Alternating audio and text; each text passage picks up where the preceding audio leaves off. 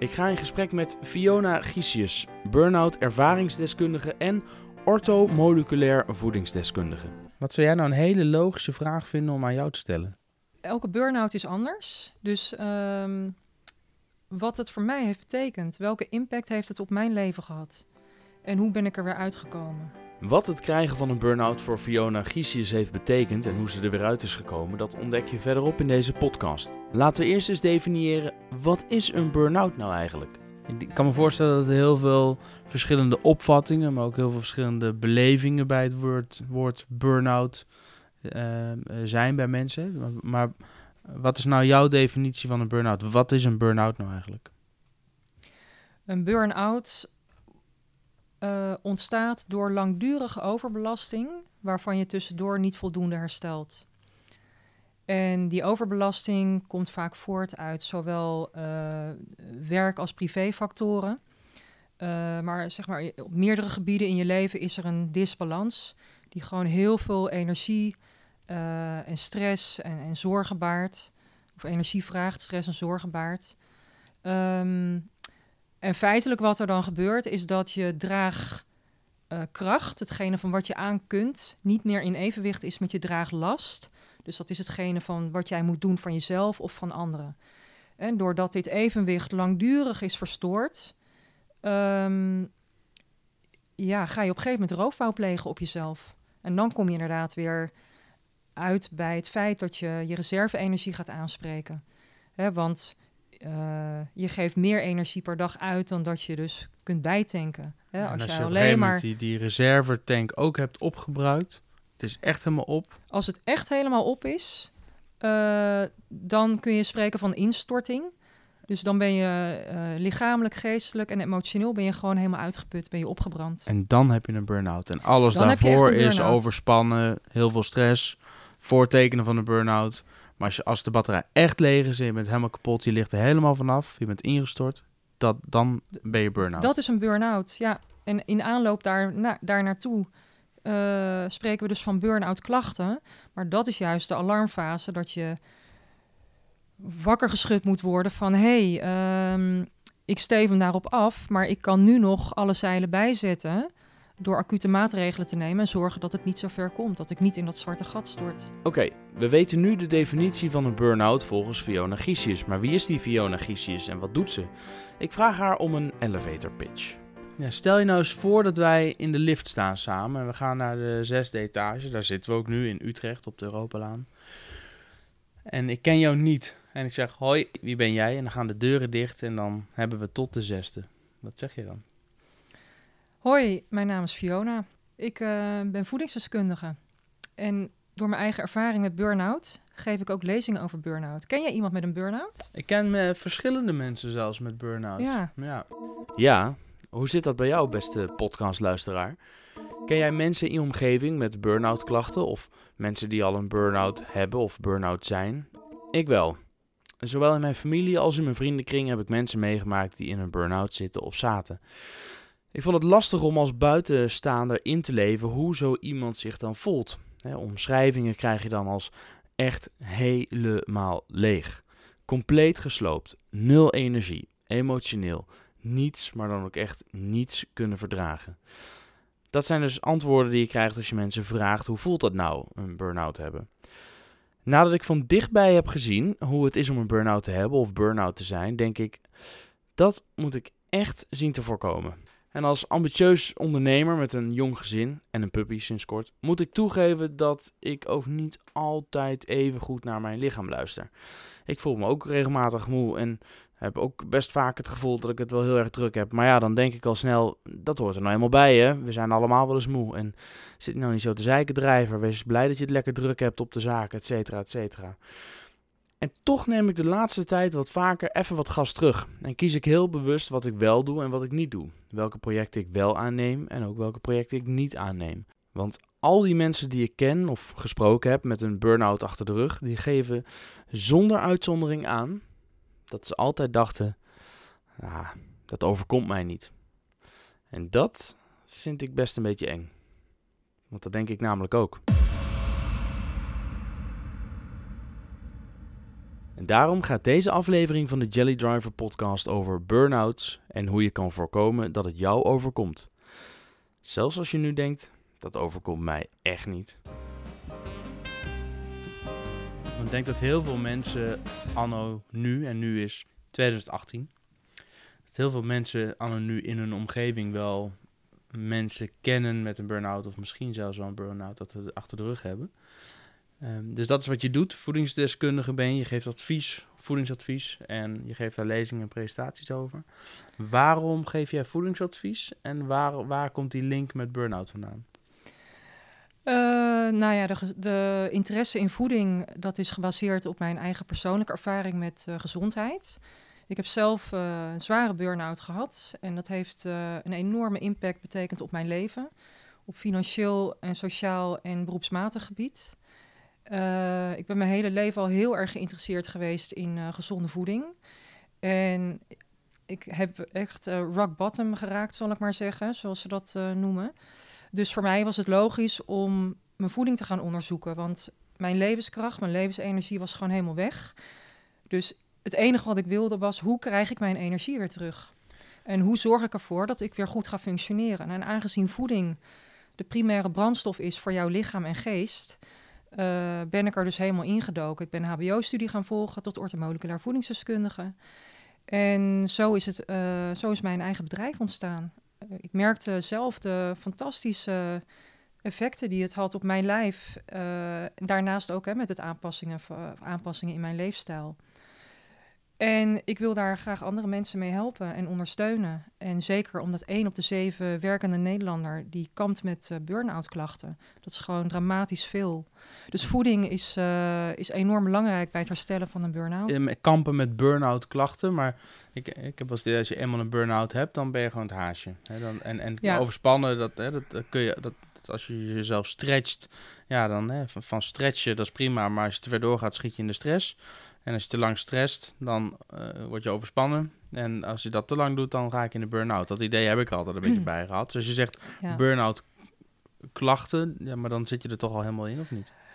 Nou, er zijn eigenlijk drie dingen die ik daarin wil benoemen. Uh, overspannenheid is het voorstadium van burn-out.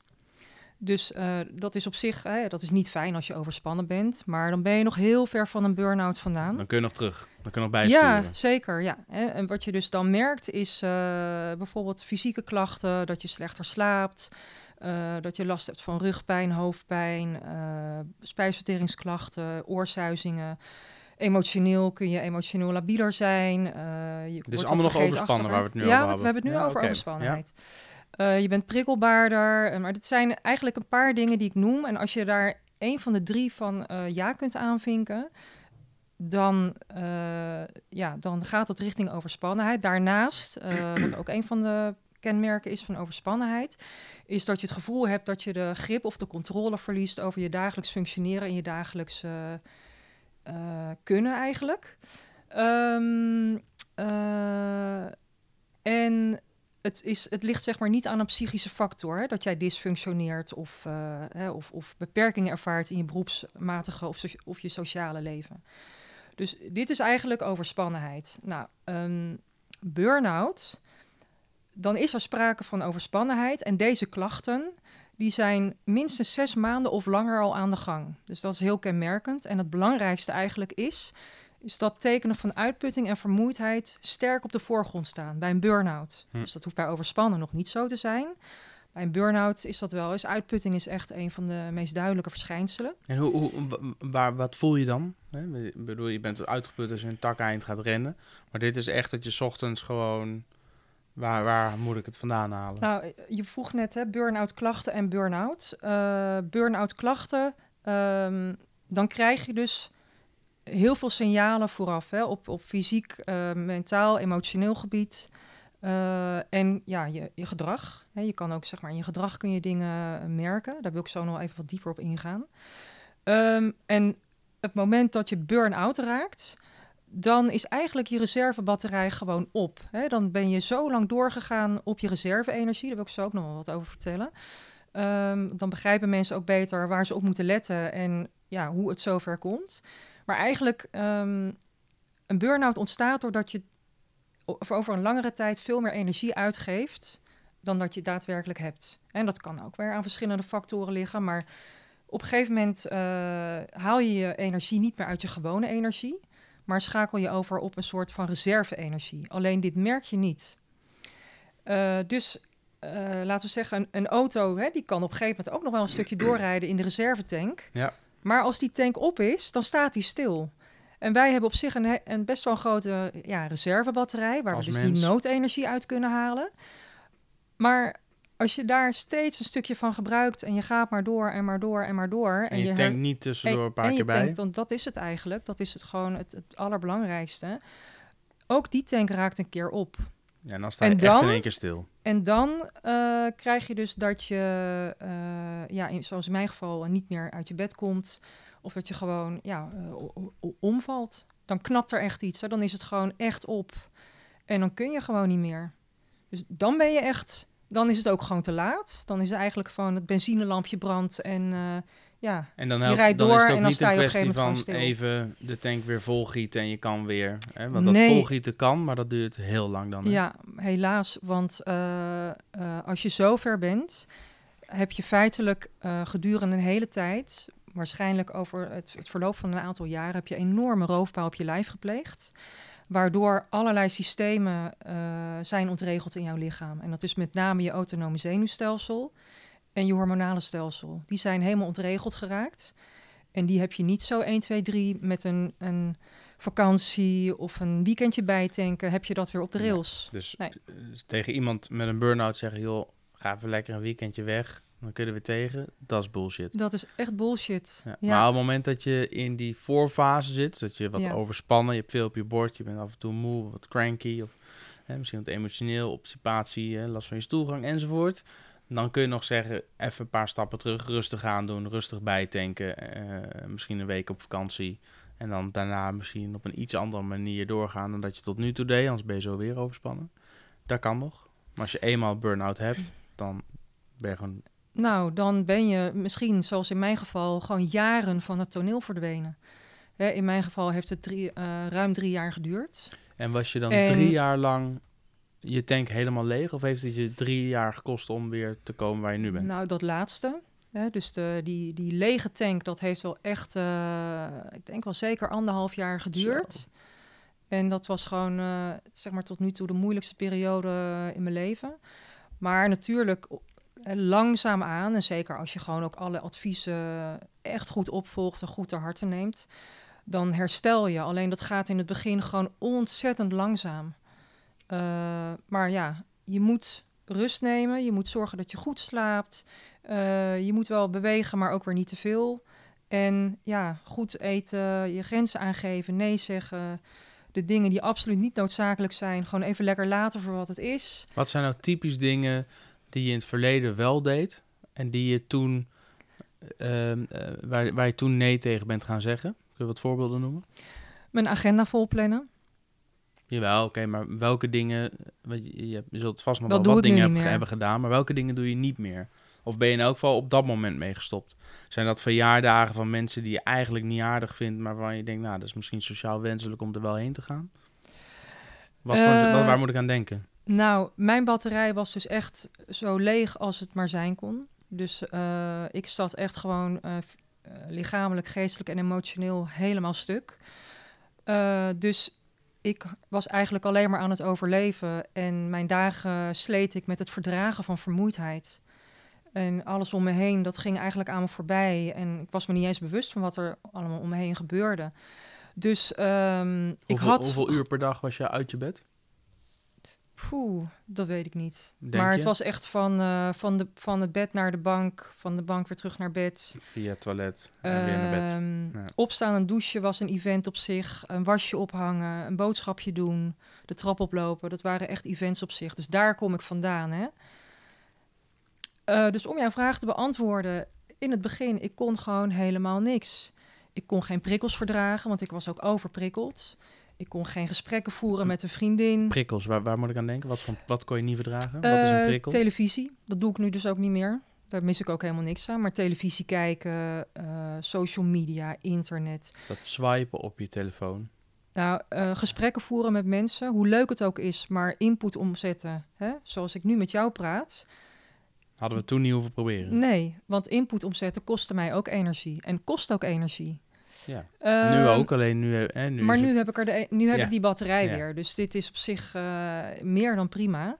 Maar uh, we staan de hele dag voortdurend blootgesteld aan prikkels. En we moeten nu, hier sta ik versteld van, hè, daar heb ik onderzoek naar gedaan. Um, de, de hoeveelheid reclameprikkels die een individu te verwerken krijgt, ligt boven de 6000 per dag. Dat is bizar. Dus als je op je mobiele telefoon kijkt voor 10 minuten, analyseren je hersenen uh, elk filmpje, elk audiofragment, elke afbeelding die er voorbij komt. En dan hebben we het alleen maar op je telefoon kijken. Maar als je auto rijdt, sta je aan. Uh, als je televisie kijkt, krijg je prikkels binnen. Uh, als jij bezig bent met je werk en je switcht steeds van mailtjes naar klanten, naar, weet je, dan krijg je ook heel veel informatie te verwerken. Um, ja, maar kun, en, dat snap ik. En kun je prikkels noemen, hè, zoals televisie kijken, met je telefoon bezig zijn, social media, dat waren dingen die je gewoon echt niet trok toen. nou, ik trok helemaal niks. Echt niks? Nee, niks. Nee, nee, helemaal niks. Dus voor mij, mijn burn-out, mijn burn-out. Een lamp want... die aanstond kon al te veel zijn. Ja, ik zat uh, in de auto, dan naast zat ik naast mijn partner weliswaar. Maar als het dan donker was en de, de lichten die brandden dan buiten, dan zat ik echt zo in de auto. Ja. Omdat ik het licht gewoon niet kon verdragen. Dus zo. Ik ken, wat ik al zei aan het begin van het gesprek, ik ken een aantal mensen met burn-out. Dus daar heb ik natuurlijk wat, wat input van gekregen. Ja. Maar bijvoorbeeld remlichten werden helemaal... Nou, ik konden s'avonds dus... gewoon niet meer auto rijden. Ik kon eigenlijk überhaupt in het begin sowieso niet auto rijden. Maar ook in de fase daarna. Uh, kon ze overdag ging het op een gegeven moment wel weer. Maar s'avonds was het nog steeds kansloos. Omdat gewoon een, een remlicht van de auto voor je... gewoon echt, echt te veel was.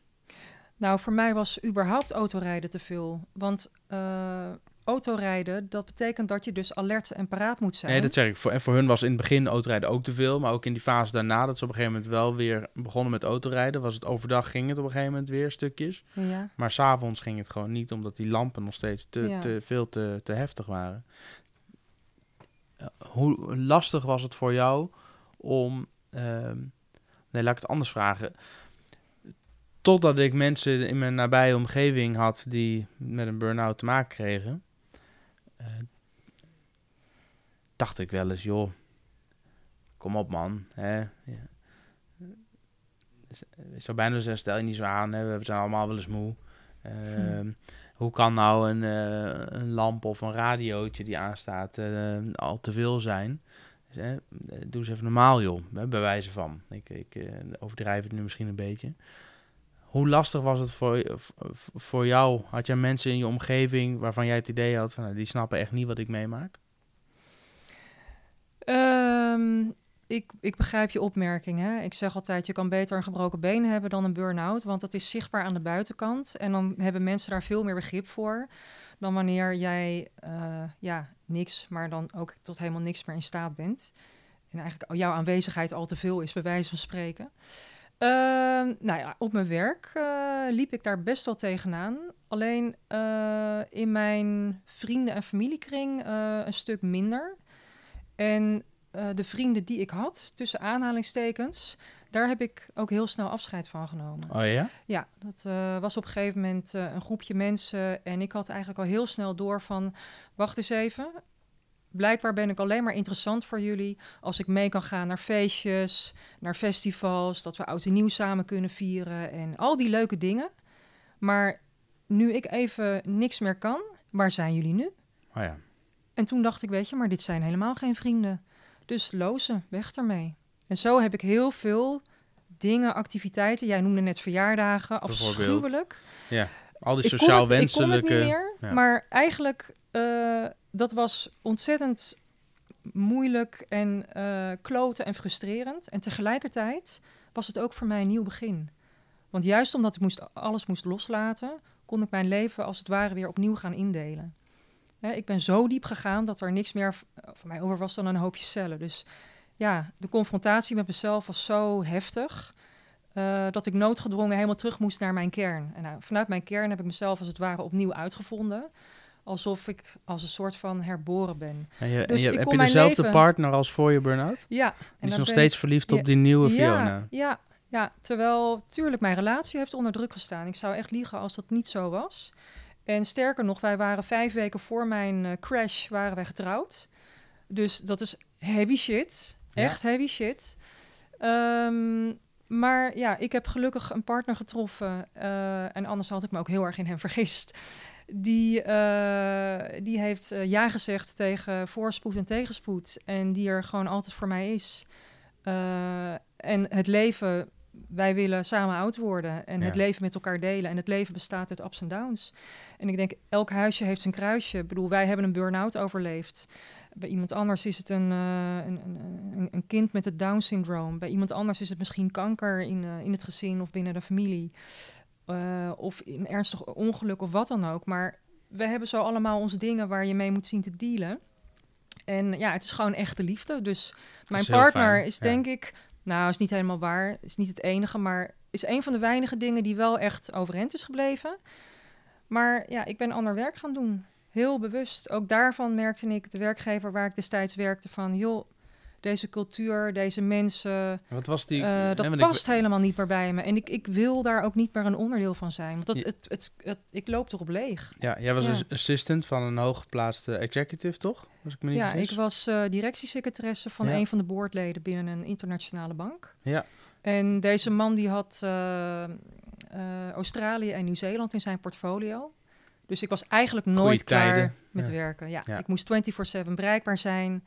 En ook in het weekend hield ik de mail bij. En daardoor kon ik heel moeilijk loskomen van mijn werk. En was ik er thuis eh, in mijn hoofd ook veel mee bezig. Ja. Geef jij je, je, je oude werk de schuld van je burn-out? Nee, absoluut niet. Nee, ten eerste. eh, kijk, je hebt zelf altijd een aandeel in wat er gebeurd is. Daar, althans, daar ben ik heilig van overtuigd. Dus mijn, de verantwoordelijkheid ligt bij mijzelf.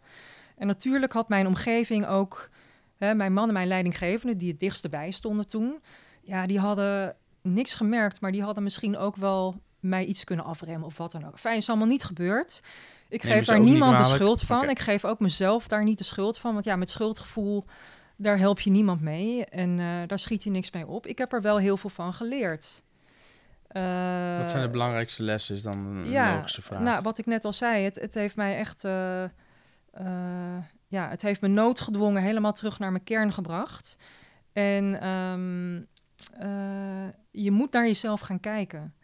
Eh, hoe moeilijk dat ook is. Dus ik kwam eigenlijk daarachter van... jeetje, wat heb ik mezelf in de steek gelaten? Wat heb ik mezelf aangedaan? Ehm, ja, en waar komt dat nou eigenlijk door? Nou, dat komt onder andere door een aantal eigenschappen die ik heb.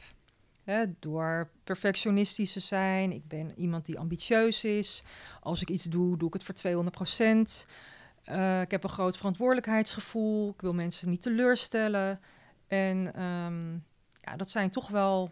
eh, dat zijn hele mooie eigenschappen. Wilskracht, niet te vergeten. Maar dat kan dus ook een enorme valkuil zijn. Nou, het tweede is luisteren naar je lichaam. Want je raakt natuurlijk niet zomaar in een burn-out. Jouw lichaam geeft van tevoren al, waarschijnlijk ver van tevoren al allerlei signalen. Welke signalen kreeg je die je gewoon niet als signaal hebt, hebt begrepen toen je ze kreeg? Of die je misschien wel bewust genegeerd hebt? Hmm, ehm, Ik vraag het omdat anderen misschien denken, shit, die signalen krijg ik ook Ja. eens. ja. Nou, eh, je, wer- je noemde het net, hè, ik heb voor de board gewerkt eh, van een internationale bank. En ik heb in 2009 een jaar lang een dubbele baan gedraaid. Wegens een wijziging in de board destijds. En toen eh, ben ik heel erg eh, ja, slecht gaan slapen. Dus dat, eh, de slaapproblemen zijn toen ontstaan. Dus gemiddeld sliep ik drie nachten per week super slecht. Of van zondag op maandag gewoon helemaal niet. Gewoon vanwege de.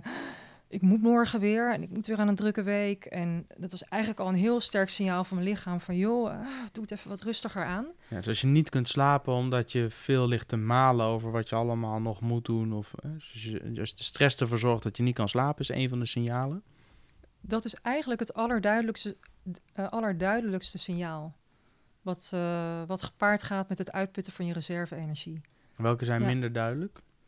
Maar misschien herkenbaar als jij ze zegt. Nou, mensen vinden het tegenwoordig heel normaal dat ze bijvoorbeeld eh, ja, vermoeid zijn, vaak hoofdpijn hebben, uh, een, af en toe een huilbuitje, uh, last hebben van hun darmen of hun spijsvertering, soms moeilijk besluiten kunnen nemen of een beetje ja, vergeetachtig zijn of zich minder goed kunnen concentreren, prikkelbaarheid, ja, hoe goed ben je in staat om te, om te ontspannen. En, bij heel, en, en je noemt een heleboel op.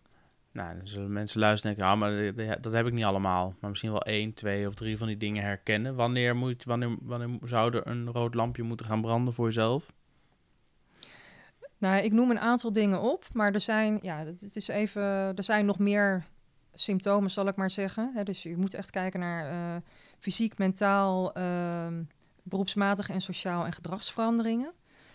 Uh, ik denk als je drie of vier van de dingen die ik opnoem, als je daar volmondig ja op, kunt zeggen, dat je even moet gaan nadenken van oké, wat is daar dan de dieperliggende oorzaak van? Heel vaak is dat uh, werk, want de werkdruk ligt tegenwoordig gewoon sky high en we werken met deadlines. En nou, ik noemde het net al, 24/7 bereikbaar zijn en beschikbaar zijn, dat brengt heel veel druk met zich mee. Dat maakt het ook steeds moeilijker om je grenzen te bewaken, maar wordt wel als heel normaal beschouwd uh, in onze maatschappij. Um, maar daar heb je keuzes in je kan er ook voor kiezen om uh, niet altijd je mail te checken. Om dat, dat, bijvoorbeeld op twee, twee momenten per dag te doen. Om je telefoon een aantal uren per dag uh, uit te zetten. Dat je ook echt gewoon even helemaal uitschakelt van al die dingen waar je continu die prikkels van krijgt. Ja, maar dan komt de FOMO om de hoek kijken.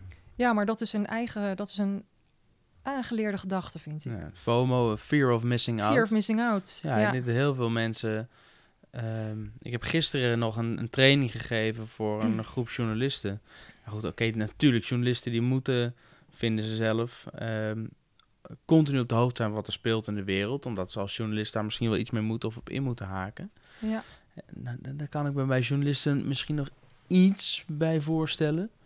Maar ehm, eh, die zeggen bijvoorbeeld, nee, ik, ik moet mijn e-mail, die geven echt wel een pingeltje als ik een mail krijg. Want straks zit er iets tussen wat ik waarop ik zei, maar als je het nou uitzet en er gewoon is op het moment dat je echt gefocust met andere dingen bezig wil zijn, erop vertrouwt dat als er ergens een vliegtuig een pand binnenvliegt, je collega ook wel zegt, joh, je moet even opletten, want er is nu echt, echt iets aan de hand. Dat vinden ze heel eng en heel lastig.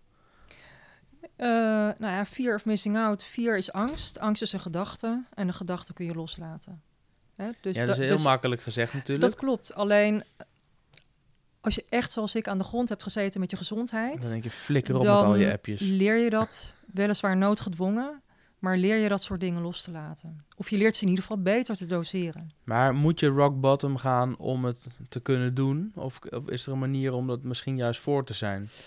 Uh, nou ja, wat ik al zei, hè, geen enkele burn-out is hetzelfde. Ik ken heel veel mensen in mijn omgeving en ook van mijn oude werk, uh, van mensen die zijn uh, omgevallen. en die zeg maar uh, iets in, min, in minder ernstige mate hebben ervaren dan ik zelf. Um, maar iedereen zegt hetzelfde van, weet je, dit wil ik nooit meer. Mm. Misschien heeft iemand misschien... Uh... Ja, maar dat snap ik. Maar ik, want de mensen die ik ken die een burn-out hebben gehad... en dat verschilt inderdaad ook van mensen die er, die er uh, een jaar, anderhalf jaar, twee jaar in hebben gezeten... tot een aantal maanden. Mm. Maar die zeggen allemaal, nee, dit nooit meer. Ja. Alleen volgens mij is de, de, de grote uitdaging... als je nog nooit een burn-out hebt gehad en niet iemand die heel dichtbij je staat, zoals je partner of, of een van je beste vrienden die een burn-out heeft gehad, of iemand in de familie. En zelfs dan. En zelfs dan is het heel lastig om, om uh, te voelen en een inschatting te maken of een idee te hebben van hoe erg het is. En dus ook van wat de, de, de, um, hoe belangrijk het is om te voorkomen dat je zo'n burn-out inschiet. Ja, uh, dat is ook zo. Dat is heel erg moeilijk. Ik ben er zelf ook ingetuind. Ik zag het zelf ook niet aankomen. Terwijl als ik nu terugkijk, denk ik van jeetje. Hoe heb je het? Het was zo overduidelijk. Zo maar ja, weet je, iets wat je niet weet, ja, hoe, hoe kun je het herkennen? Uh, ik kan wel één ding aangeven. Slaap is ontzettend belangrijk. En tekenen van slapeloosheid moet je gewoon heel erg serieus nemen. Wat zijn tekenen van slapeloosheid? Wil je, wil je een burn-out voorkomen? Um, nou, je moet het zo zien. We hebben allemaal een batterij. En door te slapen herstellen we. En door te slapen vullen we die batterij aan tot 100%. En dit is de energie. En als je op de dag binnen die marges blijft, eh, van je energie uitgeven, dan zit je goed. Op het moment dat je te lang doorgaat met te hard werken, hè, en dat zijn ook vaak in de privésfeer dingen die stress eh, eh, veroorzaken, dan geef je dus elke dag ietsje meer energie uit dan dat je s'nachts aan slaap kunt bijtanken. En dan schakel je dus over op die reserve-energie waar ik het over had. Is een soort noodstresssysteem van je lichaam wat dan ingeschakeld wordt. Alleen dit merk je niet. Dus, ja, bij je auto geeft een lampje aan, want je zit nu in je reservetank. Ja. Alleen je lichaam heeft niet zo'n lampje. Dat klopt. En uh, die reserve-energie, wat ik al zei, die haal je niet meer uit de energie die je bijtankt aan slaap. Maar jouw lichaam gaat adrenaline aanmaken om maar door te kunnen blijven gaan met te veel energie uitgeven. Maar die continue adrenaline aanmaak, hè, die zorgt er op de dag voor dat je lekker fit, alert, paraat, bla bla bent. Alleen die houdt jou s'nachts uit je slaap. Dus die adrenaline kun je op een gegeven moment vergelijken met het drinken van 10 koppen koffie. Dus hoe moe jij ook bent, s'nachts lig je gewoon van de stresshormonen wakker in je bed. Nou, dan sta je natuurlijk vermoeid op en je gaat weer die dag 200% uh, tegemoet, 200% inzet, energie, bla bla. De nacht daarop hetzelfde mechanisme. Ja. Dus je put. komt een punt, je dan put is die, de die reserve-energie, nogmaals, je merkt het niet dat je overschakelt, maar je merkt het dus wel uh, wanneer je bijvoorbeeld heel vroeg wakker wordt, of wanneer je s'nachts, zoals in mijn geval, ook vaak urenlang wakker ligt, of heel moeilijk in kunnen slapen tot helemaal niet meer in kunnen slapen. Of alle drie. Dus iedereen die dit nu hoort en je herkent dit, dit is echt een serieus alarmbel. Dan zou ik zeggen, neem acuut gas terug, ga minder werken, zorg dat je op de dag een slaapje kunt doen, ook al is het maar 10 minuten, 15 minuten. Ook al zit je in de auto, zet die auto even aan de kant. Doe, e- doe even 10 minuten je ogen dicht. Sluit je even af van alle prikkels en neem die rust. En daarna kun je wel weer door. Maar neem acuut gas terug. Ik weet dat ik, ik heb een, een, een, een periode gehad dat ik ook knetterhard werkte. En dat mijn moeder op een gegeven moment zei: Joh, uh, weet je wat ik nou gek vind, Jelle? op het moment dat jij in je auto rijdt en er gaat een lampje branden, dan zet je meteen die auto aan de kant. Want dan ben je super zuinig op je auto en dan, ga je, dan, moet hij naar de garage, want dan laat je onderzoeken wat er is. En ga vooral niet verder rijden, want straks gaat er iets kapot. Ze zeggen volgens mij, als jouw lichaam lampjes zou hebben, dan knipperen ze allemaal nu. En je blijft gewoon doorrijden. Waar komt dat nou door? en, dat en wat heb je toen geantwoord? Nou ja, dat, uh, uh, ik weet niet meer wat ik toen geantwoord heb, maar ik weet wel dat ik op dat moment dat ik dat een mooie vergelijking vond, omdat ik dacht, ja shit, ik denk dat ze gelijk heeft. Ik denk dat als mijn lichaam lampjes had gehad, dat er een, dat een aantal nu zouden knipperen. Dus misschien is het inderdaad wel goed om waar mogelijk wat stappen terug te doen. En het is natuurlijk, al, en het is natuurlijk altijd mogelijk, alleen soms hebben we het idee dat dingen belangrijker zijn dan dat ze in werkelijkheid zijn. Ja, maar het, het, grappige is dus ook, uh, of het is eigenlijk helemaal niet grappig, nee, het is bijzonder, dat je zo ver moet gaan. En dat, datzelfde zie je ook vaak met een ernstige ziekte, hè, als mensen dat overkomt. Dat je dan inderdaad ineens gewoon uh, een hele andere invulling aan je leven gaat geven. Ja. Je staat heel anders in je leven. Ik spreek voor mezelf, ik maak andere keuzes. Uh, je gaat heel zuinig om met die kwetsbare energie die je hebt. Ja, dat moet uh, de moeite waard zijn om naar de energie aan te geven. Het moet energie geven in plaats van dat het energie kost. Ja. Uh, ja, ik zorg ervoor dat het me gelukkig maakt. weet je, dat het bij me past. Dat zijn wel voor mij echt graadmeters. En ga ik het dan ook doen? Ja. En zo nee, nou jammer dan. En denken, denken de, hoe is jouw relatie dan nu met die mensen waarvan je niet naar de verjaardag gaat, omdat je ervoor kiest om gewoon niet in die drukte naar zo'n verjaardag toe te gaan? Uh, nou, wat ik al zei, ik heb echt afscheid genomen van, een, hele vriendengroep. Ja. Maar het grappige ook weer is, juist in die periode dat ik aan de grond zat en heel weinig energie had om met mensen iets te doen of af te spreken, zijn er ook mooie, nieuwe, waardevolle vriendschappen ontstaan. Dus die mensen die nemen mij gewoon voor, hoe ik, voor wie ik ben. Hè? Met, uh, laten we zeggen, mijn goede dagen toen. Uh, maar ook met de dagen dat ik gewoon nul energie had. En elke keer weer maar een afspraak moest verschuiven. Want trek het niet. Ik trek het niet. En ik kon echt per dag pas bepalen van... nou, vandaag gaat het wel of niet. Ik heb wel of niet goed geslapen. Of ik zit wel of niet goed in mijn vel. Ja, snap ik. Maar ik kan me ook voorstellen dat de mensen luisteren en denken... En, ja, jij hebt makkelijk praten, want jij hebt een burn-out gehad. Dus jouw omgeving accepteert het. Maar als ik niet naar verjaardag ga, dan ben ik een eikel. Ja, ben ik niet met je eens. Het, uh, kijk, het is jouw leven. En het zijn jouw keuzes die je maakt. En voegt het wat toe aan jouw leven, aan jouw geluk. En kijk, als je er wel voor kiest, hè, dan is het ook oké. Misschien ga je dat inderdaad naartoe omdat het een gewoonte is, of omdat je anders een schuldgevoel hebt, of omdat je die persoon niet wil teleurstellen. Maar dat is dan een keuze. En heb daar dan ook vrede mee. Snap je? Maar als jij niet gaat, ja, als jij gewoon een goede reden hebt, uh, dan je bent toch niet verplicht of wel? Nee, uh, ik ben ook heel easygoing geworden. Hè? Ik heb ook zoiets van, joh, leven en laten leven. Ik bedoel, willen mensen met mij afspreken? Hartstikke leuk, super gezellig.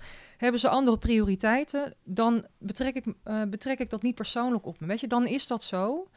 En dan oordeel ik daar niet over. En dan komt het een ander moment wel. Of niet. En dat is also fine. Ja. Maar ik moet zeggen dat ik ben inderdaad iemand die ook gewoon niet naar verjaardagen gaat. Of ik, ik, ik doe niet, zou niet snel iets doen waar ik geen zin in heb. Waarvan ik weet dat het me energie kost. Ehm, eh, en waarbij ik het niet voor mezelf doe. Ik, toen mijn vriendin en ik elkaar leren kennen, toen had ik een keer zo'n zo persoonlijk leiderschapstraining gevolgd. En toen was er, de, de Victor heette die trainer, die zat in een kring. En die zei tegen de man naast zich, wie is de allerbelangrijkste persoon in jouw leven? En toen die man die zei, weet ik veel, mijn zus of zo, of mijn broer. Of... Mhm. En toen, oké, en de volgende, jij, ging die hele kring af. Nou, mijn moeder en mijn partner. En uh, toen uiteindelijk, uh, toen kwam, kwam die zelf, zei, nou, nou ben ik als laatste. Toen zei, de belangrijkste persoon in mijn leven ben ik. Het keek iedereen een beetje raar. Zei, ja, hij zei, de allerbelangrijkste persoon in mijn leven, dat ben ik zelf. En dan, dat kun je heel egoïstisch vinden. Alleen, nou, ik geloof er heilig in dat ik pas voor een ander kan zorgen als het met mij goed gaat. Dus ik maak keuzes om uh, uh, die voor mij goed voelen. Zodat ik in elk geval gelukkig ben. En dan, als ik gelukkig ben, het gaat met mij goed, dan kan ik dat delen met anderen en kan ik ook voor anderen zorgen. Nou, dat vind ik een mooie. En, en, en, het klinkt heel egoïstisch als je het zo zegt, maar uiteindelijk, ik geloof wel dat daar een kern van waarheid in zit. Ik heb mensen in mijn omgeving gehad die dus echt ook volle bak burn-out hebben gehad. En omdat ik dat van dichtbij heb meegemaakt, denk ik, nou, daar wil ik vooral niet terechtkomen. Dus dat wil ik voorkomen. Dus ik maak keuzes om ervoor te zorgen dat me dat niet gaat overkomen. En dan echt dichtbij, bijvoorbeeld, mijn vader heeft echt een, echt een, echt een stevige burn-out gehad, ook een paar jaar. Eh, twee van mijn beste vrienden. En zo heb ik nog wat mensen die heel dicht bij me staan. Uh, waarbij ik heb gezien wat het voor hun heeft gedaan, voor hun werk, voor hun relatie enzovoort. En, en uh, sociaal gezien enzovoort. En dat, dat maakt dat ik denk, ja, het maakt me geen reet uit of mensen uh, het me kwalijk nemen als ik niet naar een verjaardag of een feestje of een borrel of zo ga. Als ik er geen zin in heb, het voegt voor mij persoonlijk niks toe, dan ga ik niet. Maar ik kan me ook voorstellen, voor heel veel mensen dat heel lastig is. Nou, ik, voor mij, ik vind het niet lastig. Maar ik kan me ook voorstellen voor veel mensen die of die wel het gevoel hebben van ik lig s'nachts wakker en ik, ik heb ook echt, ik moet eigenlijk ook echt gaan opladen. Dat die het heel lastig vinden om dat soort keuzes te maken. Om niet de sociaal wenselijke dingen te doen. Om niet naar feestjes en naar. Uh, en om niet af te spreken met mensen die bellen en zeggen: nou, Ik vind het zo leuk wat je doet, zullen we eens een keer een kop koffie drinken? Om daar dan nee tegen te zeggen. Ja, en heel veel mensen die vinden het dus ook moeilijk om nee te zeggen en om hun eigen grenzen daarin te bewaken. Alleen ik sta er helemaal in, zoals jij het nu haar fijn uitlegt. Ik bedoel, de belangrijkste persoon in mijn leven, dat ben ik zelf. En um, ik ben dus ook juist door mijn burn-out veel, uh, een innerlijk een veel rijker persoon geworden. Juist ook omdat ik veel dichter bij mezelf sta, veel beter voor mezelf ben gaan zorgen. Uh, dat de relatie met mezelf zoveel verbeterd en gegroeid is. Maar wacht even, Fiona. Als je het zo omschrijft, dan zou je bijna zeggen... potverdikkie, die burn-out heeft je goed gedaan, zeg. Ik had hem liever niet gehad. Oké. Maar, eerlijk is eerlijk... ik kwam erin en ik had zoiets van... oké, I have to deal with this shit. Dus uh, ik wil me niet slachtoffer maken van de situatie. Ik wil er wat van leren, want ik krijg deze les blijkbaar niet voor niks. Ik wilde er sterker uitkomen... En ik wilde dat het maar wat op zou leveren. Had ik op dat moment nog geen flauw idee wat, hè? Maar zo ben ik erin gegaan. Ik heb het als het ware omarmd. En echt gekeken van, nou, wat is mijn leerpad hierin?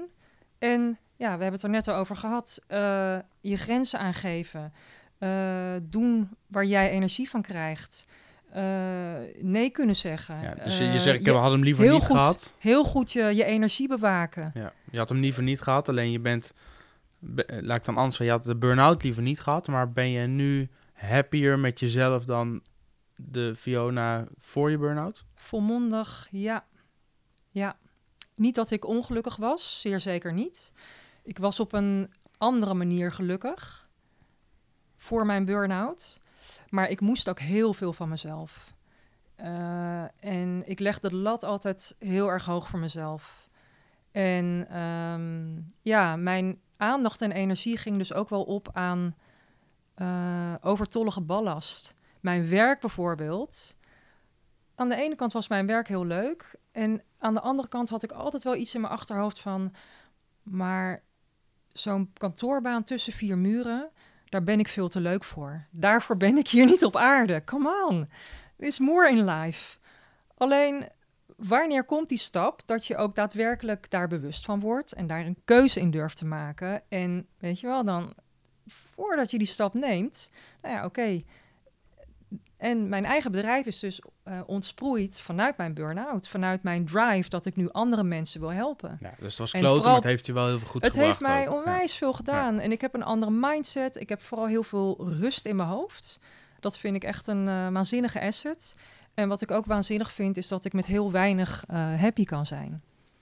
Dus, um, en wat bedoel je daarmee? Nou, ik heb heel lang heel slecht geslapen. Ik heb me jarenlang extreem, uh, nou niet eens vermoeid, maar uitgeput gevoeld. Ik kon helemaal niks, ook geen autorijden, geen feestjes, gesprekken, niks. Dus uh, alles wat ik daarna weer kon, en dat is dan misschien voor jou zijn dat hele vanzelfsprekende dingen, of voor mensen die nooit zo diep zijn gegaan. Ik neem niks vanzelfsprekend meer, Jelle. Dus eigenlijk alles wat ik nu weer kan, de meest simpele dingen en vooral goed slapen, ja, dat is voor mij een feestje. Daar ben je echt dankbaar voor. Dus voor mij, als ik s'nachts goed slaap en ik sta s ochtends uitgerust wakker, oh, is uitgerust op en ik word uitgerust wakker en ik voel gewoon in mijn hele lijf van yes, ik heb energie, uh, mijn cellen zijn helemaal opgeladen, mijn lichaam die heeft onderhoud gepleegd en ik kan de dag aan. Want zo zie je het. Dan kan mijn dag niet meer stuk. Hm.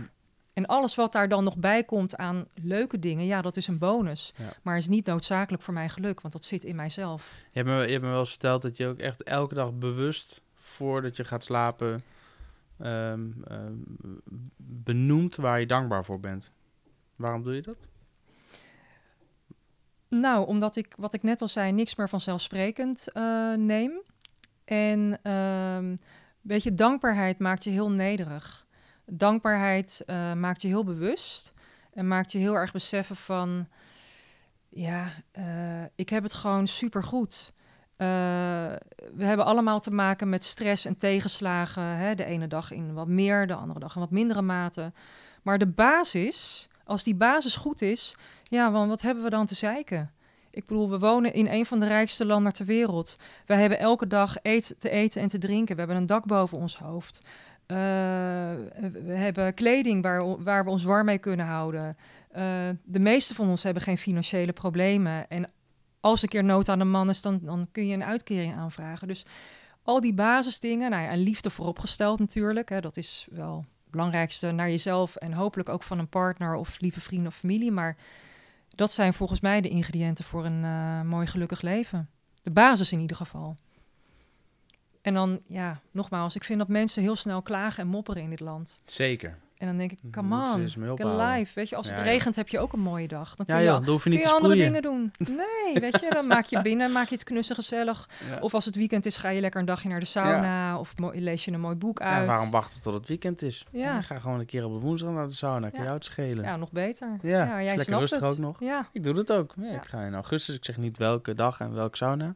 Maar ik ga, maar ik ga in augustus ga ik eh, met eh, Bernard en Wesley, twee, eh, twee goede vrienden.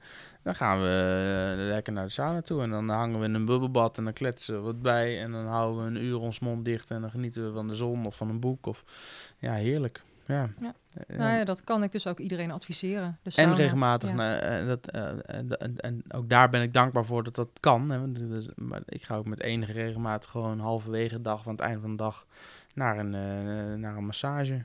Ja, Gewoon even een uur lang, gewoon echt verstand op nul, telefoon uit, liggen en eh, door elkaar geschud worden. ja, maar feitelijk Heerlijk. wat je dan doet is gewoon je even helemaal afzonderen Ja. van alle prikkels. Ja. En even bij jezelf komen, waardoor je juist weer je batterij kunt opladen. Ik heb een, eh, een, een ding gekocht, hij ligt hier. En dit is een, eh, even kijken, de Sony MX, volgens mij is het de MX1000 of zo heet die. En dat is een koptelefoon met active noise control. Ken je dat? Nee, leg eens uit. Ja, Klinkt heel interessant. Ja, het klinkt heel interessant. Maar je moet je voorstellen, ik, als ik hem nu opzet... Nou, hij gaat natuurlijk al over mijn oren heen. Dus eh, sowieso wordt al heel veel geluid van buiten al meteen eh, eh, uitgesloten. Omdat het ding over je oren gaat. Maar als ik hem aanzet... Dat doe ik nu. Hoor ik power on. En dan vervolgens filtert hij actief, want er zit een accu in. Eh, zeg maar de binnenkomende geluidsgolven van buiten, die, ehm, ja, die filtert hij weg. Of die, die maakt hij gelijk aan de golven binnen. Ik weet niet hoe het, hoe het precies werkt. Alleen, ja, je moet hem eens opzetten. Want ik ben natuurlijk wel weer een ontzettende eh gierige Hollander die dan gewoon naar een goedkope Chinese massage op de hoek gaat. En dat is prima, alleen die dames die kletsen gewoon door en die nemen de telefoon op. En dus als je het hebt over echt helemaal ontspannen. Nou, maar als je dan gewoon dit ding op je kop zet, dat werkt echt top. Ik maar ben- ook als je gewoon in de trein zit bijvoorbeeld. Ik ga hem zo over je, over, zit die over je oren zo? Ja, Nou, dit helpt al. Merk je dat? Dat hij nu... Je hoort mij nog steeds wel. Ja Maar- maar, heel erg op de achtergrond. Ja, hè? en als er nu een zoom is, of in een trein, of in een vliegtuig bijvoorbeeld, of nou, de auto weet ik niet of dat nou raadzaam is, maar als je met dit ding op, je kan er ook gewoon muziek mee afspelen, maar soms wel heb ik hem alleen maar op gewoon met deze functie aan. Ik kan me voorstellen dat Dit is zo lekker. dat, dat heel rustgevend eh, werkt. Ja. Als je hiermee over Utrecht Centraal loopt, dan is het bijna alsof je in je eentje loopt. Het is gewoon een soort rare, stille wereld. Dus dit- als je je af en toe gewoon eens wil afzonderen en wil ehm, en wat meer... bij die sauna hangen ook altijd bordjes. Alleen stilte geeft rust. ja, ben ik het helemaal mee eens. Ik ook. Ja. We hebben zoveel lawaai, herrie en prikkels om ons heen de hele dag. Doe het hoesje weer even dicht. Maar het is juist die prikkels eh, waardoor we eigenlijk continu aanstaan. Ja, als er om ons heen iets gebeurt, eh, ja, dan, dan krijgen we die prikkel. En eh, nou, wat ik al, zei ik dat al net of niet? Maar in het jaar, eh, eh, wij, wij, mo- wij moeten nu zeg maar eh, net zoveel informatie verwerken per dag als in het jaar 1800 in een heel jaar. Oh ja, oh, dat geloof ik meteen. Dat, Dat- dat heb is- je nog niet verteld, maar dat geloof ik meteen. Ja. En kijk, als wij continu aanstaan, dan krijgen je hersenen geen rust. Hm. En door de onrust gaan we slechter slapen.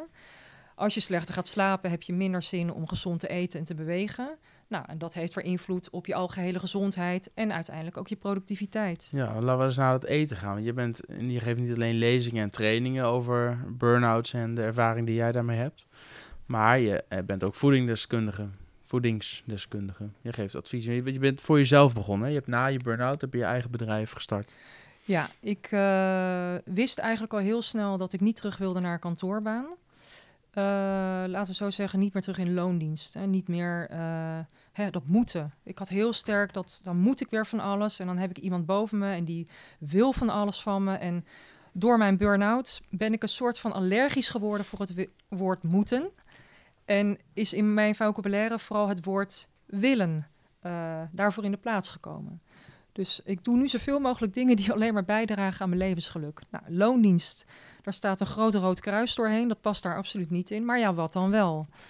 Nou, wat ik net al zei, mijn voeding, mijn passie, eh, het effect op mijn eigen lichaam.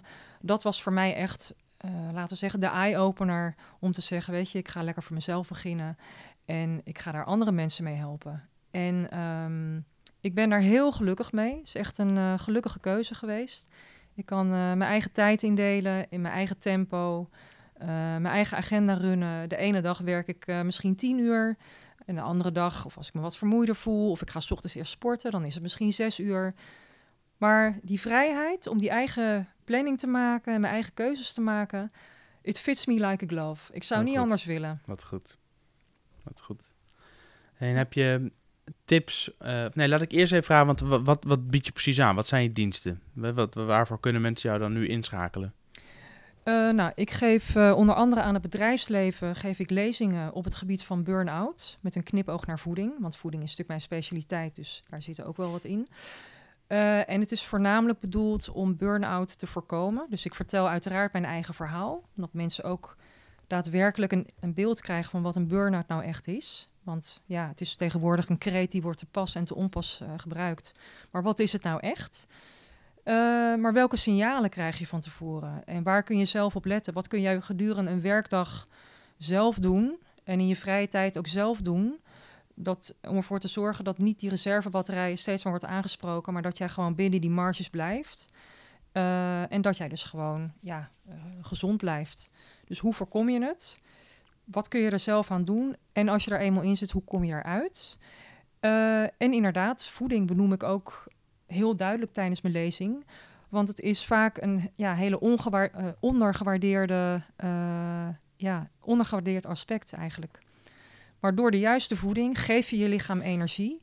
En vermijd je dus belastende voeding, wat alleen maar energie kost. Wat is belastende voeding? Nou ja, denk er maar eens over na. Dat je met Snickers. Snacken, snoep, koek, frisdrank. Uh, heel veel voorverpakte dingen waar suikers en, en E-nummers en zout in verwerkt zit. Dat zijn allemaal als het ware lichaamsvreemde stoffen.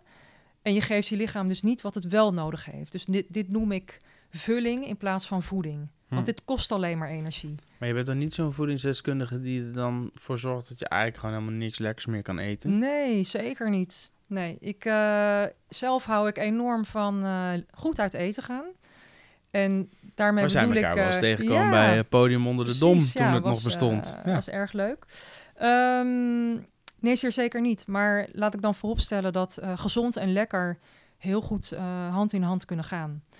Eh, je kan zelfs als je gewoon hele goede kwaliteit producten uitkiest, het liefst biologisch, dan heb je eigenlijk maar een paar ingrediënten nodig om daar een super lekkere maaltijd van te maken. Dus al die toevoegingen, die heb je gewoon helemaal niet nodig. Sterker nog, eh, dat leidt alleen maar af. Dus hoe puurder eh, en hoe verser een product is, en nogmaals van goede kwaliteit, eh, daar kun, kan ik gewoon enorm van genieten. En dat merk ik ook aan de mensen om me heen. Maar dat kan dus ook gewoon een heel goed stuk vlees zijn, alleen je moet er geen saus en geen zout overheen doen. Nou ja, dan wel biologisch, Ja. hè, vanwege de, de hormonen en de antibiotica. En de stress niet vergeten, want als een beest stress ervaart en jij eet dat op, dan komt Nee, dat joh. vervolgens in jouw cellen terecht. Nee joh. Echt? Ja, echt. Ja, dat is weer een heel apart hoofdstuk. Meen je maar niet? ja, Is je, dat echt je, zo? je bent niet wat je eet, maar je wordt wat je eet. Is dat zo? Ja, dat is echt zo. Ja, is echt zo. Vandaar dat ik een dolle stier ben af Ja. Eh, eh, Oké. Maar goed, een stuk vlees, daar is helemaal niks mis mee. Hè? Dus biologisch ehm, en natuurlijk een klein beetje zout. Prima, mag. Beetje peper, verse kruiden. eh, ja, licht bakken, wat dan ook. eh, prima. Ook weer niet te hoog verhitten, want dan krijg je weer oxidatie. Ja, dus ja, dat ja. moeten we ook niet hebben. Maar daar is op zich niks mis mee. Alleen juist al die sauzen of gefrituurde dingen, voorverpakte dingen waar al die transvetten in zitten, hè, die ook gewoon heel slecht zijn voor je, voor je systeem, die moet je zoveel mogelijk zien te vermijden. Dus mijn advies in voeding is: kies eh, verse, natuurlijke, onbewerkte producten. Ja. Maak het zelf klaar, dan weet je wat erin gaat. Maar je hebt wel één hele goede stelregel, weet ik toevallig. Vermijd suiker. Ja, dat is niet. Ik bedoel eigenlijk de stelregel. jouw 80-20 principe. Ja, zeker. Ja, ja. ja nee, ehm, nogmaals, ik hou ontzettend van lekker uit eten gaan. Dus als ik dat doe, dan is het voor mij ook de full monty. Eh, met een mooi glas wijn erbij. En ja, als je 80% van de tijd eh, gezond eet, volwaardig eet... en dat je dus inderdaad zorgt dat je lichaam gewoon eh, goed doorvoed is... goed onderhouden wordt, eh, in goede conditie is... dan mag je 20% van de tijd ook best zondigen. Hè, dus voor de ene is dat misschien zoetigheid. Voor mij is dat een mooi glas wijn. Voor de derde is het af en toe een patatje met. Ja, daar word ik niet warm of koud van. Maar goed, die mensen Ja, die, die ja, ken ik. En, en daar is ook helemaal niks mis mee. Mits je dat gewoon af en toe doet. En geniet er dan ook vooral van. Ja, doe het dan ook bewust. En doe het dan ook bewust. Hè? Dus zondag bewust. En eh, ja, dat is het dan ook weer even. Hè? Zondig Dus, bewust. ja, zondag bewust. Ja, dus niet een, een, een snikker naar binnen schuiven, maar er dan ook lekker lang op kouwen en even bewust, bewust wegwerken. Ja, zeker. Ja. Maar dat geldt eigenlijk voor alles wat je eet, hè? Maar is er wat ik heb bijvoorbeeld, eh, en dat, en dat hou ik echt niet altijd voor. Dus gisteren kwam ik uit Antwerpen, eh, training gegeven, een, lange rit, lange dag. Ja. Eh, nacht daarvoor in het hotel kwam ik thuis, was ik gesloopt. En dan vind ik het heerlijk om een glas rode wijn in te schenken. ja. En even een glas wijn te drinken op de bank. En dan gewoon pff, even. Maar normaal gesproken probeer ik aan te houden om door de week geen alcohol. En dan in het weekend gewoon lekker een drankje te doen. Ehm, het is niet helemaal 80-20, maar is dat een, is dat een, is dat een goed, eh, goed, goed, goed, hoe zeg je dat? Eh, goed voornemen, door de week gezond eten in het weekend? Of zeggen van, nou, je kan beter op, per dag, zeg maar, het merendeel goed en ook een klein beetje zondigen? Of, ik bedoel, krijgt je lichaam, Want- laat ik het anders zeggen, krijgt ja. je lichaam enorm op zijn flikker als je dan in één keer na vijf dagen, twee dagen Helemaal ongezond losgaat. eet en daarna weer vijf dagen Ik, gezond? ik raad dat af. Het is inderdaad, als je vijf dagen... Ja, grappig, daar schiet me net een woord te binnen. Die mensen heten yoga-snuivers. Yoga snuivers. Yoga-snuivers. Ik dus dat zijn mensen die eigenlijk vijf dagen super gezond eh, eten, drinken, leven enzovoorts. Maar in het weekend helemaal losgaan. En ehm, dan krijgt je lichaam en vooral je lever best wel een klap. Dus dat zou ik niet adviseren. Dus losgaan sowieso is, eh, is gewoon niet aan te raden. Eh, wat voor mij heel goed werkt, is inderdaad die vijf dagen. Nou, dat wil zeggen vier, want op vrijdag begint het weekend toch al een beetje, denk ik. Kijk, voor de meeste Ja, ja, mensen. ja. Eh, wel heel gezond te eten, het liefst ook zo gezond mogelijk. En in het weekend wel die paar extraatjes, zonder helemaal los te gaan, maar daar heb je ook helemaal geen behoefte aan. Als je, is mijn ervaring ook, hè, en mensen die ik begeleid om me heen, als je gewoon puur onbewerkt gezond eet, die behoefte aan suikers en snacks die verdwijnt. Dus dat losgaan, die rem losgooien, die behoefte heb je helemaal niet meer. Die gewoonte heb je als het ware al lang doorbroken. En des te meer geniet jij wel van die ene snicker of dat taartje of dat flesje wijn wat je lekker samen opdrinkt voor de open haard op de bank. Weet je wel zo. En tuurlijk, na een lange werkdag, een lange rit en het is een doordeweekse dag en jij schenkt een keer een glas wijn in, helemaal niks mis mee. Waarom? Als je dat dagelijks gaat doen, nee, niet doen, want dan wordt het weer een gewoonte. Maar zoals je dat af en toe doet, daar ontspan je van, daar word je ook gelukkig van. En geluk draagt ook weer bij aan je gezondheid. Daar is helemaal niks mis mee. Dus je moet ook vooral niet te streng zijn voor jezelf. Dus het gaat echt gewoon om die goede balans.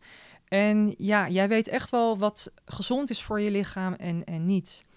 En uiteindelijk, hoe gezonder je gaat eten, elke cel in je lichaam zal blij zijn met het onderhoud voor herstel en reparatie. Dus jouw lichaam herkent Ja. die gezonde voedingsstoffen. En je zult ook versteld staan van hoe je lichaam reageert. Ik Nogmaals, geloof je meteen, maar ik merk ook dat elke cel in mijn lichaam heel blij wordt van Tony Chocoloni karamel met zeezout. Ja, maar hoe vaak eet je dat? Ja, niet, eh, niet elke. Nou, de ene dag wat vaker dan de andere. Nee, nee, nee, nee, ja, in het weekend en af, heel af en toe eens een keer door de week. Ja, Maar ook dat probeer ik, hè, dat, dat soort dingen probeer ik voor het weekend te houden. Ja. ja. nou dan vind ik, dan heb je de eerste belangrijke stap al, al gezet. Ja. Alleen de volgende stap is om een stukje te nemen, niet een hele Ja, reep. dat was inderdaad mijn volgende vraag. Eet je hem dan in één keer Ja, op? yeah, eh, zeker. Ja, ik kan ja. niet, als ik, ik kan zo'n Tony Chocolate, zelfs die Milka karamel met peanut. Ja, als die open gaat, dan ga ik voor gaas. Ja, en weet je, de, Zo de voedingsmiddelenindustrie, Te lekker. they got you where they want Ja, to ja, have ja, you. ja, ja. Precies Ja, waar ze ja. je hebben willen. Want al die verslavende dingen, vooral suiker in dit Ja, maar geval, ik voel het ook gewoon bij de eerste hap. zo exact. Dus jouw lichaam zegt eigenlijk Oh al ja, dit is hoe, veel te lekker. Hoe, hoe slecht het eigenlijk is. Hoe Ja. verslavend het is. En dat is precies waar ze op inspelen. Want Ja. jij opent een zak en hij gaat helemaal leeg. Ja, dus nou, het beste advies is ook daarin... open gewoon die zak niet. Nee, haal het niet in huis. Ja, Haal het gewoon niet in huis. En nogmaals, als je dat in het weekend doet, eh, prima. Maar als je daar echt van wil afkicken, of stel je wil 20 kilo afvallen, of je wil die slechte gewoonte doorbreken, haal het gewoon niet in huis. En zorg wel voor eh, voldoende fruit, eh, groenten, noten en zaden. Dat zijn echt gewoon hele goede tussendoortjes. Een gekookt eitje af en toe. lekker. En als je echt trek hebt, en dat is vier het van op. ja, vier. Oh, dit zeg je echt om me uit te dagen, hè? Ja. Ja, Oh, het, mensen, het is jammer dat je het gezicht van Fiona niet kan zien nu. ja, Ja. ja. Ja. Maar anyway, ja, als je... Het, en het is ook een trouwens goed advies als je onderweg bent, hè? Dan zeg ik van, joh, neem een soort van... eh, ja, eet EHBO-kit bij je eh, b- mee. Met neem dat mee. wortels en appel. Ja, met inderdaad gewoon de gezonde dingen om op te, op te eten, op te knabbelen. Eh, wat ik al zei, fruit, wat worteltjes, snacktomaatjes, eh, noten, studentenhaver, een mix Oh van ja. noten en, en rozijnen. Ja. En juist omdat er heel veel vezels in zitten, vult het ook, verzadigt, het, verzadigt het heel snel. Als mensen nou gezonder willen leven, of mensen hebben een burn-out gehad, of zijn bang dat ze er een gaan krijgen, Ja. en ze willen daar hulp bij, dan kunnen ze jou bellen of mailen, of via je website, neem ik aan. Ehm, En dan, wat doe je dan? Dan heb je, dan heb je dan een soort intakegesprek en, en kom je in een groep met tien mensen te zitten of ga je één op één aan de slag? Hoe werk jij? Uh, nou, een goede vraag. Dus na, naast lezingen uh, begeleid ik mensen ook één op één. Met name mensen dus met stressgerelateerde klachten en burn-out of mensen die op een burn-out afstevenen. En er zijn eigenlijk uh, een aantal dingen waar ik dan heel bewust naar kijk. Dat is inderdaad voeding, beweging, slaap, ontspanning en het vermijden of reduceren van stress. Um, om de leefstijl, de leef- en eetstijl van iemand inzichtelijk te krijgen, uh, neem ik inderdaad als eerste een intakegesprek uh, met ze af. Dus eigenlijk gewoon een soort eerste consult om te zien waar iemand staat, uh, hoe ver iemand al is gedaald in zijn stressklachten, waar dat door komt, hoe is iemand zijn voeding, um, wat voor slechte gewoontes zijn er al ingeslopen, wat ligt daar weer aan ten grondslag. Dus dat is eigenlijk het begin, het startpunt. En ja, afhankelijk van iemands persoonlijke wens of doel of de lichamelijke klachten, gaan we daar samen mee aan de slag. Hoe lang duurt zo'n traject? Helemaal afhankelijk per persoon. Uh, wat de klacht is, wat iemand wil bereiken. Uh, iemand die 5 kilo af wil vallen, die zal ik binnen een korter tijdsbestek kunnen helpen dan iemand die 20 kilo wil afvallen. Ja, dat, dat Hoe kunnen, waar moeten mensen naartoe als ze met jou daarover willen sparren? Ze kunnen mij mailen, ze kunnen mij bellen. Dat is mooi, maar op welke e-mailadres? Info at fionafoodandlifestyle.nl Food en in het Nederlands? En A-N-D. Ten slotte, uh, ondernemers die luisteren, of eigenlijk hoeft helemaal geen ondernemer te zijn, maar mensen die luisteren, drie tips om, uh, uh, om een burn-out te voorkomen, of drie dingen waar mensen over na moeten denken die nu luisteren en denken, shit, ik ben ook wel eens heel moe. Zorg voor voldoende slaap en voor voldoende rustmomenten gedurende de dag. Slaap is echt uh, van levensbelang. Dus eigenlijk mensen denken van ja, als ik leuke dingen doe, daar krijg ik energie van. Dat is mentale energie. Jouw lichaam kan alleen maar onderhoud plegen als het echt in rust is. Dus denk aan uh, het feit dat jouw cellen uh, nieuwe, nieuwe energie, dus brandstof produceren, uh, afval wordt verwerkt, reparatie wordt, wordt uitgevoerd voorraden worden aangevuld. Dus dat is essentieel. Dat gebeurt eigenlijk alleen maar gedurende je slaap. Om je batterij op te vullen en ja, gewoon te kunnen knallen gedurende de dag. Want dat willen we als ondernemer. Gedurende de dag. Kijk, wij zijn geen computers die de hele dag maar door kunnen brommen. Wij hebben tussen periodes van hoge productiviteit. nou eenmaal momenten van rust nodig. En heel concreet komt het erop neer dat je na 90 à 120 minuten van productiviteit 10 à 15 minuten rust nodig hebt. Dus ga echt even weg achter je laptop. Uh, ga even een stukje wandelen en dan zonder je telefoon. Uh, loop even naar het koffieapparaat, maak een praatje, lees misschien even een boek. Of ja, misschien ga je zelfs even een kwartiertje mediteren. Maar zorg voor die kleine rustmomenten ook gedurende de dag. Dus dat is echt tip nummer één. Tip nummer twee is: um, neem elke dag een dagdeel of, of, of s avonds als je thuis komt, maar neem afstand van alle technologie waar je je mee omringt. dus alle dingen waar jij dus een prikkel van krijgt, alle dingen waar je van aan gaat staan. Dus jouw mobiele telefoon, uh, internet, je social media. Uh, dat is lastig voor veel ja, mensen. dat is heel lastig. Maar die telefoon en social media, kijk, social media maar, en zo kan ik allemaal wel negeren, maar die computer heb ik toch wel nodig ook om gewoon mijn werk te doen. Dat klopt. Alleen uh, niemand, niemand verwacht van jou dat jij 24 uur per dag met je werk bezig bent. Nee, in Tenzij jij dat zelf wil wel, en jij maar... daar zelf voor kiest. Ja. Uh, maar um, we gaan wel steeds meer toe naar een tendens dat 24-7 bereikbaar zijn, dat het helemaal niet meer zo stoer is. Hè, dus juist offline, je ziet ook tegenwoordig restaurants of strandtenten waar er geen uh, wifi-verbinding is. Ja. hey, waardoor komt dat? Omdat mensen ook gewoon rust willen hebben, maar ook omdat het sociaal acceptabel is. Ja. Je hoeft echt niet elke tien minuten je mail te checken. Je hoeft echt niet elk half uur te reageren op een berichtje wat op Facebook voorbij komt. Je hebt het pas echt bereikt als je onbereikbaar kan zijn. Nou, niemand is onmisbaar. En nogmaals, juist door dat altijd maar aanstaan en het continu produceren van die adrenaline, dat zorgt er dus voor dat jij heel langzaam richting de burn-out gaat. En daar kunnen echt jaren overheen gaan. Maar dit is wel iets wat je in een heel ver voorstadium al ja, uh, kunt, kunt, jezelf kunt aanleren. Ja. Hè, dus ehm, dus dat, is, dat is tip nummer twee.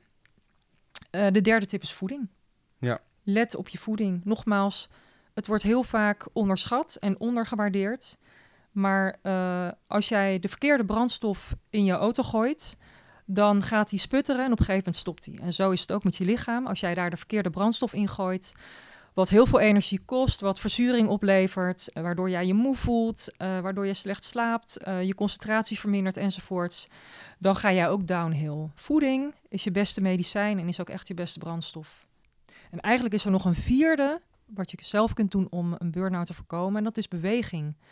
Um, een bewegingsonderzoek, bewegingsonderzoek onder New Yorkers bewees dat dagelijks een blokje om van circa 10 minuten al voldoende is om verschil te merken in je mentale toestand.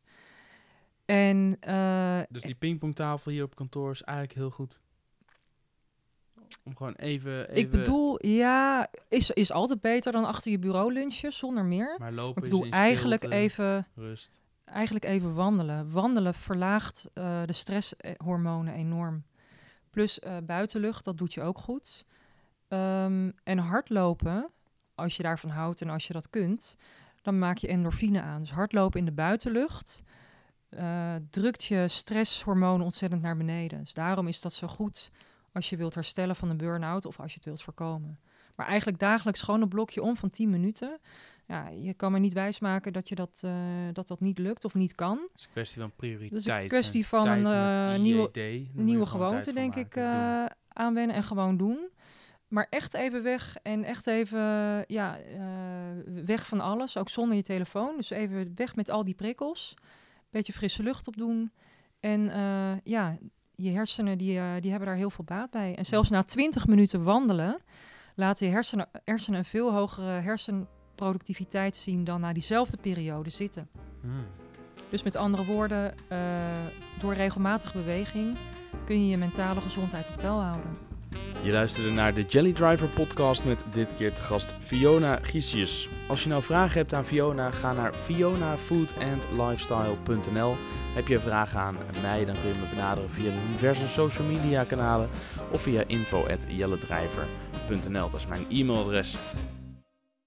Wil je de volgende afleveringen ook automatisch op je apparaten beschikbaar hebben, dan kun je een abonnement, ab, ab, ab, blijft een rotwoord, abonnement nemen via jouw favoriete podcastplayer. Zoals dat nou iTunes is of Soundcloud. Maakt niet uit, zoek naar Jelly Driver en dan vind je hem daar.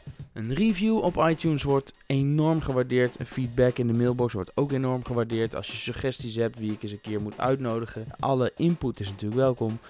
Voor nu zeg ik dankjewel voor het luisteren en tot de volgende podcast.